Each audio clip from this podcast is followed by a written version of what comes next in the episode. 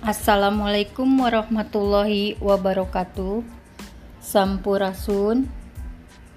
Semoga kita semua ada dalam lindungan Allah Ta'ala. Amin ya Allah ya Robbal Alamin. Perkenalkan nama saya Ain Kartini, mengajar pada kompetensi kejuruan di jurusan mesin di SMK Negeri 1 Karawang.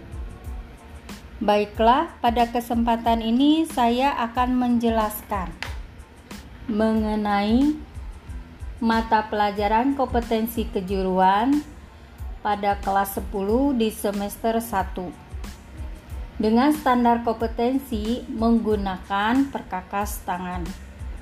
Kode kompetensi KK strip 014 strip 4 dengan alokasi waktu 114 dikali 45 menit. Kompetensi dasar pada kesempatan ini adalah yang pertama menjelaskan jenis-jenis dan fungsi perkakas tangan. Nilai karakter budaya bangsa yang diharapkan adalah mandiri, kreatif, kerja keras, peduli lingkungan, dan bertanggung jawab. Adapun indikatornya adalah perkakas tangan yang tepat menurut keperluan tugas pekerjaan yang dapat dipilih. Materi pembelajarannya yang pertama adalah mengidentifikasi perkakas tangan. Yang kedua, pemahaman fungsi macam-macam perkakas tangan. Kegiatan pembelajaran yang pertama melaksanakan penggunaan macam-macam perkakas tangan dengan prosedur dan ketentuan yang benar. Yang kedua, mengidentifikasi macam-macam perkakas tangan. Yang ketiga, memahami fungsi macam-macam perkakas tangan.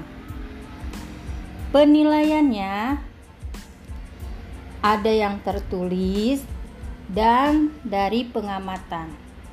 Untuk kompetensi kali ini dengan indikator yang tadi sudah disebutkan dibutuhkan walau alokasi waktunya adalah untuk tatap muka 10 10 jam pelajaran. Sumber belajarnya adalah modul M18.A1. Baiklah, kita akan ke materi.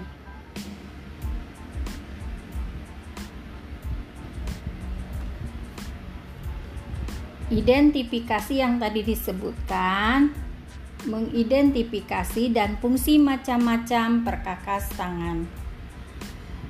Di dalam dunia pemesinan, pengenalan macam-macam perkakas tangan sangatlah penting penggunaan perkakas tangan dikerjakan pada pemesinan adalah dasar dari semua rangkaian pekerjaan pemesinan.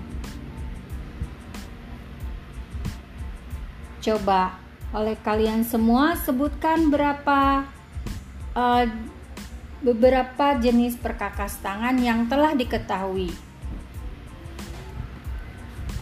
Baiklah, kita akan menyebutkannya uh, jenis perkakas tangan tersebut yang ada di workshop kita. Yang pertama adalah ragum. Ragum itu merupakan suatu alat penjepit untuk menjepit benda pekerjaan yang akan dikikir, dipahat, digergaji, ditap, disney, dan lain-lain. Yang kedua adalah kikir.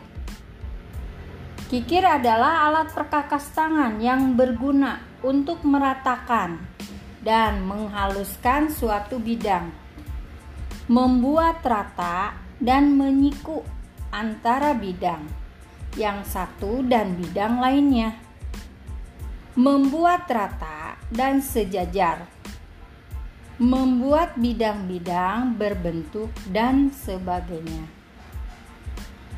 Contoh dari kikir adalah jenisnya ya. Kikir pilar, kikir plat, kikir setengah bulat, kikir bulat, kikir segi empat, dan kikir segi tiga. Yang ketiga, palu. Palu merupakan alat pemukul yang terbuat dari baja dengan kedua ujungnya dikeraskan. Contohnya palu konde, palu pen, ada juga palu yang bukan dari baja tapi dari karet. Berarti palu karet. Ada juga palu kuningan. Yang keempat adalah obeng. Secara umum digunakan untuk mengencangkan suatu skrup terhadap suatu pasangannya baik yang berupa kayu, plastik, atau besi. Plat ini ada yang obeng plat ini ada yang negatif atau plat ya ada yang positif atau kembang. Berikutnya yang kelima adalah kunci.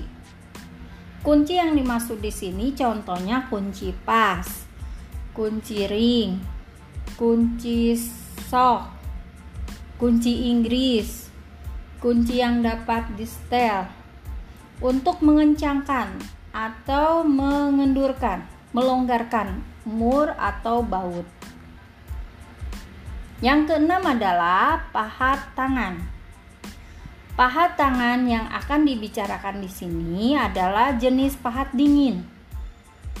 Pahat dingin digunakan untuk memahat atau menyayat benda kerja dalam keadaan dingin.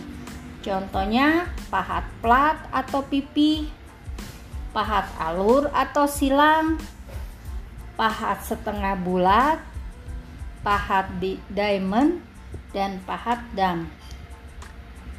Yang ketujuh adalah scrap tangan. Scrap tangan terbentuk dari macam-macam sesuai dengan fungsi dan penggunaannya.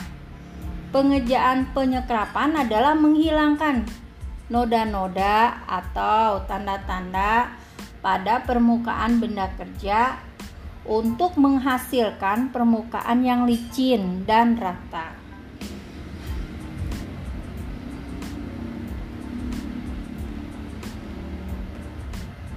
Berikutnya, yang ketujuh adalah gergaji tangan. Gergaji adalah termasuk alat untuk memotong bahan atau benda kerja. Bagian dari gergaji tangan yang pertama sengkang gergaji. Yang kedua mata gergaji atau gigi gergaji dari daun gergaji. Gergaji ini ada yang sengkang tetap dan ada yang sengkang di setel. Baiklah, pada pertemuan kali ini uh, sudah dipaparkan materinya. Semoga Anda mengerti semua, semoga anak-anakku mengerti semua dan memahami semuanya. Uh, tetap semangat di masa pandemi ini, tetap menjaga uh, aturan-aturan kesehatan yang sudah ditentukan dan tetap beraktivitas uh, sesuai dengan kebutuhan ya. Wassalamualaikum warahmatullahi wabarakatuh. Hatur nuhun.